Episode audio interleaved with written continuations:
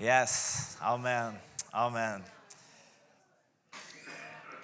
Jeg har lyst å dele med dere Dette kan være noe du kanskje har hørt om før, eller om du ikke har hørt noe om før i det hele tatt. Så jeg har lyst til å virkelig prate om det med å, å følge Jesus. Så jeg vil starte med et skriftsted her hvor eh, Jesus snakker til sine disipler, og han sier det her. Hvis dere elsker meg, så vil dere holde mine bud. Og jeg vil be Faderen, og han skal gi dere en annen talsmann, hjelperen, for at han skal bli hos dere til evig tid. Og det jeg har lyst til å snakke om nå, er Den hellige ånd, hjelperen. Han som Jesus ba Faderen om å sende til oss, til å vandre med oss og styrke oss, til å hjelpe oss til å leve som Jesus. For du har kanskje opplevd sånn at liksom, å følge Jesu fotspor er ikke akkurat den, den, letteste modellen å følge. Jeg vet at jeg strekker ikke til til å klare å leve helt likt som Jesus. Men så sier Jesus at 'jeg skal gi dere en hjelper'. Jeg skal gi dere Den hellige ånd, talsmannen, og han skal hjelpe dere og styrke dere i å vandre sånn som meg. Så jeg vil gå inn på hvem er Den hellige ånd. Og jeg har lyst til å invitere deg inn på en reise nå hvor vi skal gå inn i disiplenes liv. Fra når de møtte Jesus, til når livet deres begynte å eksplodere etter at Jesus hadde dratt. Så nå skal vi inn i en reise inn i disiplenes liv. Og det starter med at vi er på stranda nå i Israel, og disse karene har vært ute og fiska, vet du. Fiska hele dagen. og og jeg personlig, jeg elsker å fiske, og jeg vet når du ikke får noe fisk, så er ikke humøret på topp. Og det er ikke så gøy når plutselig en kar sier hei, gå ut igjen og prøv på nytt, og later som de kan alt. Men Jesus han var ekstra spesiell. Det var noe med den autoriteten som han hadde idet han kom til disiplene og sier hei, gå ut igjen, prøv på nytt. Og disse karene prøver, og de får så mye fisk, og de er helt sjokka. Og så kommer de inn på land igjen, og Jesus sier, 'Jeg skal gjøre dere til menneskefiskere fra nå av. Kom og følg meg.' Og disse karene visste at det er noe med det denne mannen her sier, som er verdt å leve for. Så de ga opp den økonomiske provisjonen som de fikk av fisking. De ga fra seg alt det livet som de visste om å kunne forsørge seg selv med, og de fulgte Jesus. Og fra og med det øyeblikket der så begynte de en reise med Gud. Og vi ser at etter hvert så samler folk seg rundt Jesus. Det er noe attraktivt med han. Når Jesus er til stede, så kommer folkemengdene. Folk hører ryktene. Han gjør mirakler. Han helbreder de syke. Og de går på en reise med det her. Så kommer de til et sted hvor det er så mange mennesker at Jesus sier til Peter hei, nå vil jeg at vi to går ut på båten her, for det er så mange folk at jeg har ikke plass til å stå her. Og så skal vi preke fra båten. Og han begynner å preke og forkynne om Guds rike og, og tar helt av oss. Så plutselig plutselig helt ut av det blå så sier han til Peter, 'Hei, la oss gå ut igjen og fiske.' For andre gang.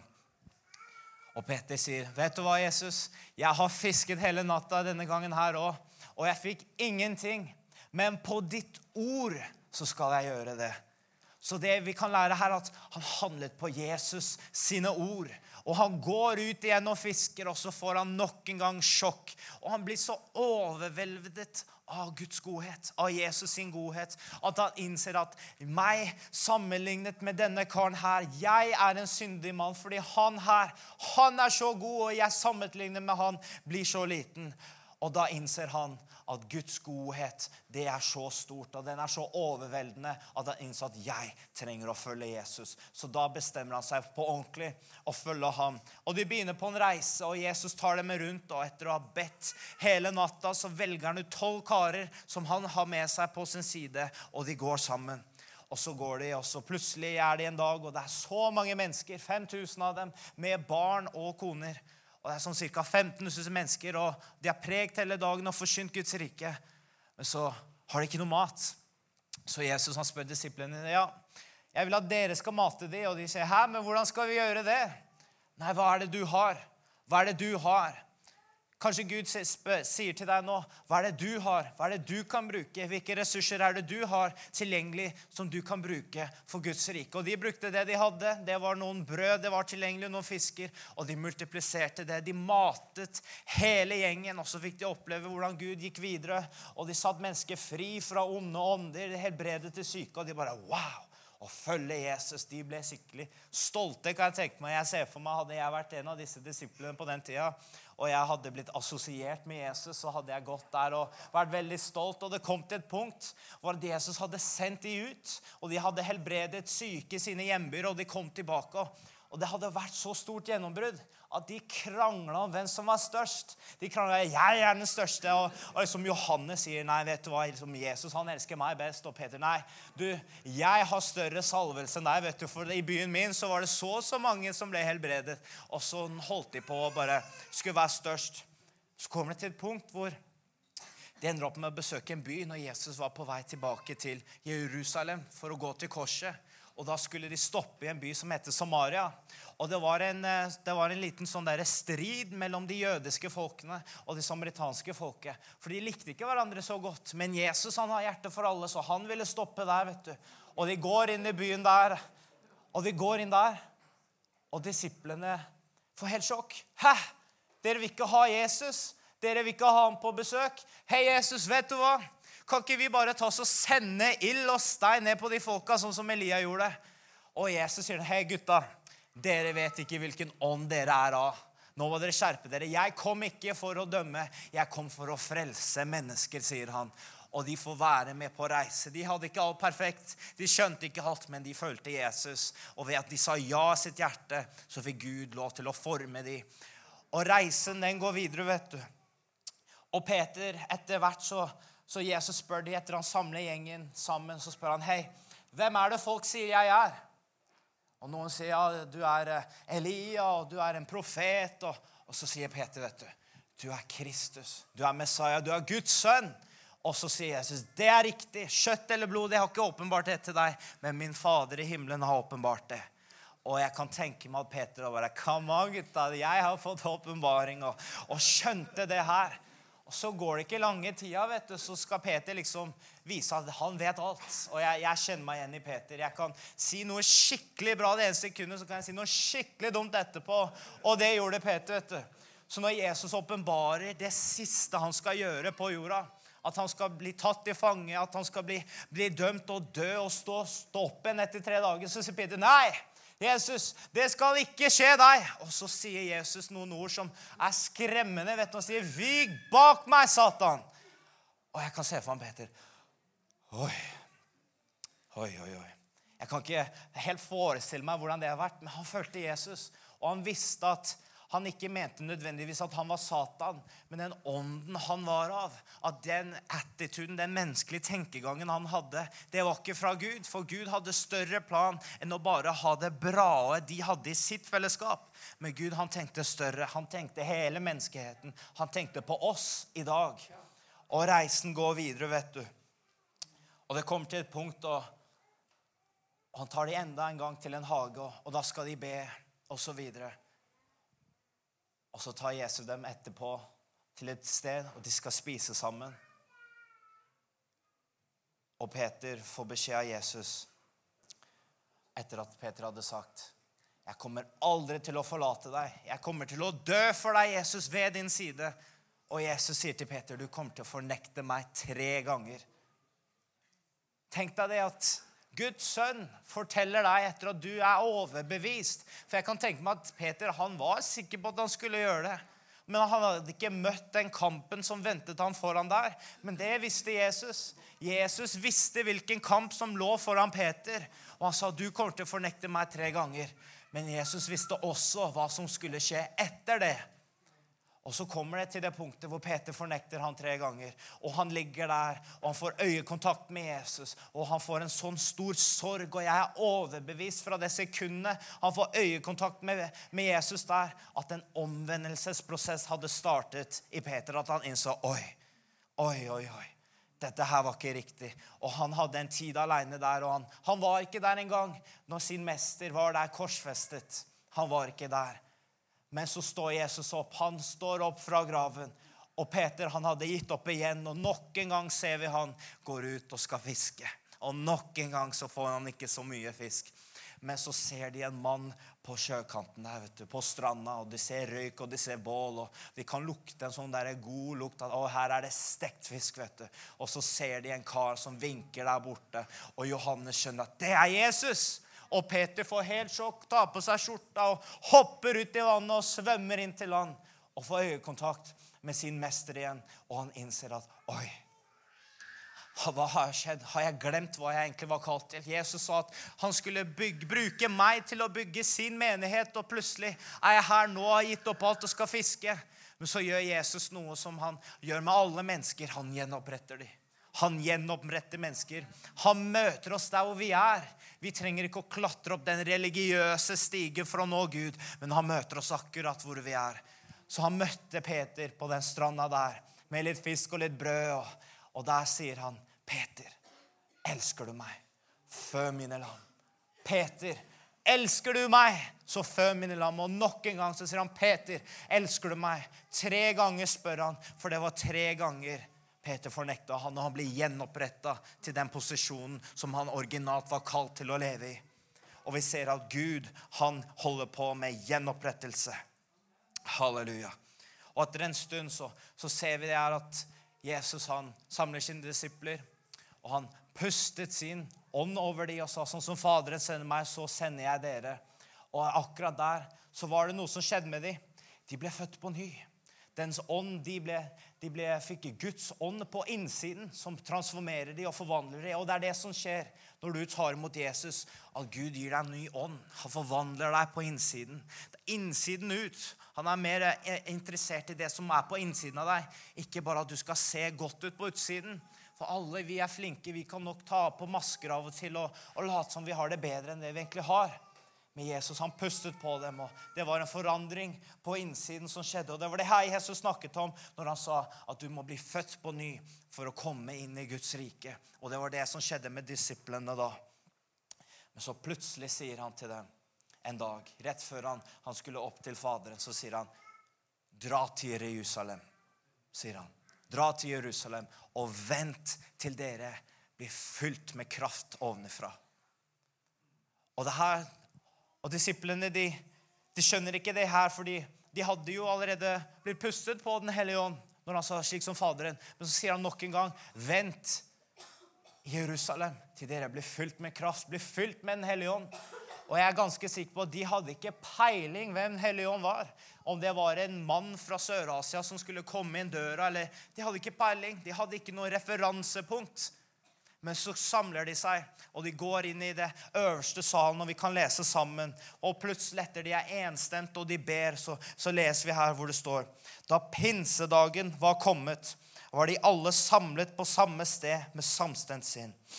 Plutselig kom det en lyd fra himmelen som en mektig stormvind, og den fylte hele huset der de satt. Så viste det seg delte tung for dem som av vill, og det satte seg på hver enkelt av dem. De ble alle fylt, alle ble fylt av Den hellige ånd og begynte å tale i andre tunger ettersom ånden ga dem tale. Og etter det så Peter, han som hadde fornektet Jesus, han som hadde blitt gjenopprettet av Jesus, får en livsforvandling og opplevelse hvor han reiser seg opp og han begynner å tale og forkynne. Og 3000 mennesker blir lagt til i menigheten den dagen der. Og vi ser at noen dager senere så, så går de til tempelplassen. Og de går der, og, og, og, så ser de en mann som er lam, som tigger. Og de var ikke de rikeste karene, men de hadde fått noe. De hadde fått Den hellige ånd, ikke bare på innsiden, men Den hellige ånd hadde kommet over dem. Den hellige ånds kraft var over dem. Den hellige ånd vil ikke bare fylle deg på innsiden, men han vil komme over deg på utsiden. Forskjellen er at Den hellige ånd er inni meg for min skyld, men den kommer over meg for deres skyld. Det er det som skjer når Den hellige ånd kommer, at det er for andre. Den kommer over deg for andres skyld, slik at du skal påvirke andre mennesker.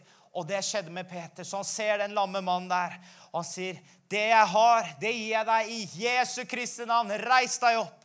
Og mannen reiser seg opp og han begynner å gå, og det skjer et mirakel. Og ryktene sprer seg, og folk får høre det, og det tar helt av. De blir til og med tatt i, i fangenskap av de jødiske lederne, og, og det bare går helt av. Og de ble gjenkjent for at de hadde vært sammen med Jesus. Kristi ånd var på innsiden og over dem. Den hellige ånd var med dem. Og til og med etter at de hadde gått gjennom en del forfølgelse. Og det viser seg faktisk at du leser om Den hellige ånds dåp eh, i apostlenes gjerning i kapittel 2. Men det er noe som skjer i kapittel 4. Og det er det jeg også har lyst til å fokusere på nå. At det er mer. Det er mer av Gud. Det er ikke bare at man blir fylt én gang, men det er en kontinuerlig prosess hvor man blir fylt av Ånden. Hvor man blir fylt med Guds ånd. Og der sto det at etter at de hadde blitt forfulgt, etter at de hadde blitt slått, så kommer de ut, og de begynner å be, og de begynner å rope til Gud med frimodighet. Sier, 'Gud, må du gjøre enda mer tegn og under.' 'Må du gjøre enda mer mirakler gjennom din sønns navn, din tjeners navn, Jesus Kristus.' Og etter de hadde bedt, så står det at stedet skalv. Og de ble alle fylt med Den hellige ånd, og de talte Guds ord med frimodighet. De ble fylt på nytt. Det var mer. Det var enda mer av Gud. Og vi leser etterpå at plutselig så skyggen til Peter helbreder mennesker. Jesus gjorde ikke det, men Peter gjorde det. De stoppet ikke, de var ikke fornøyd med det de hadde.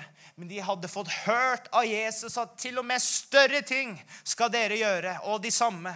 Og det er det jeg har lyst til å fokusere på nå. At det er mer. Det er mer av Gud. Det er mer vi ikke har fått opplevd ennå. Det er mer som vi kan gå inn i med Gud. Amen. Så hva var vendepunktet deres? Jeg er overbevist at vendepunktet var ikke bare når de sa ja og fulgte Jesus, men når de ble fylt med Den hellige ånd. For Jesus sa sjøl det er bedre for meg, for dere, at jeg går, slik at han skal komme. Hvem var det han snakka om? Jo, det var Den hellige ånd. Han som skulle undervise oss, han som skulle lære oss, han som skulle vandre sammen med oss. Det går an å ha en relasjon med Den hellige ånd. Han er mysteriet. Han som åpenbarer Jesus i våre hjerter. Den hellige ånds kraft skal komme over deg i dag.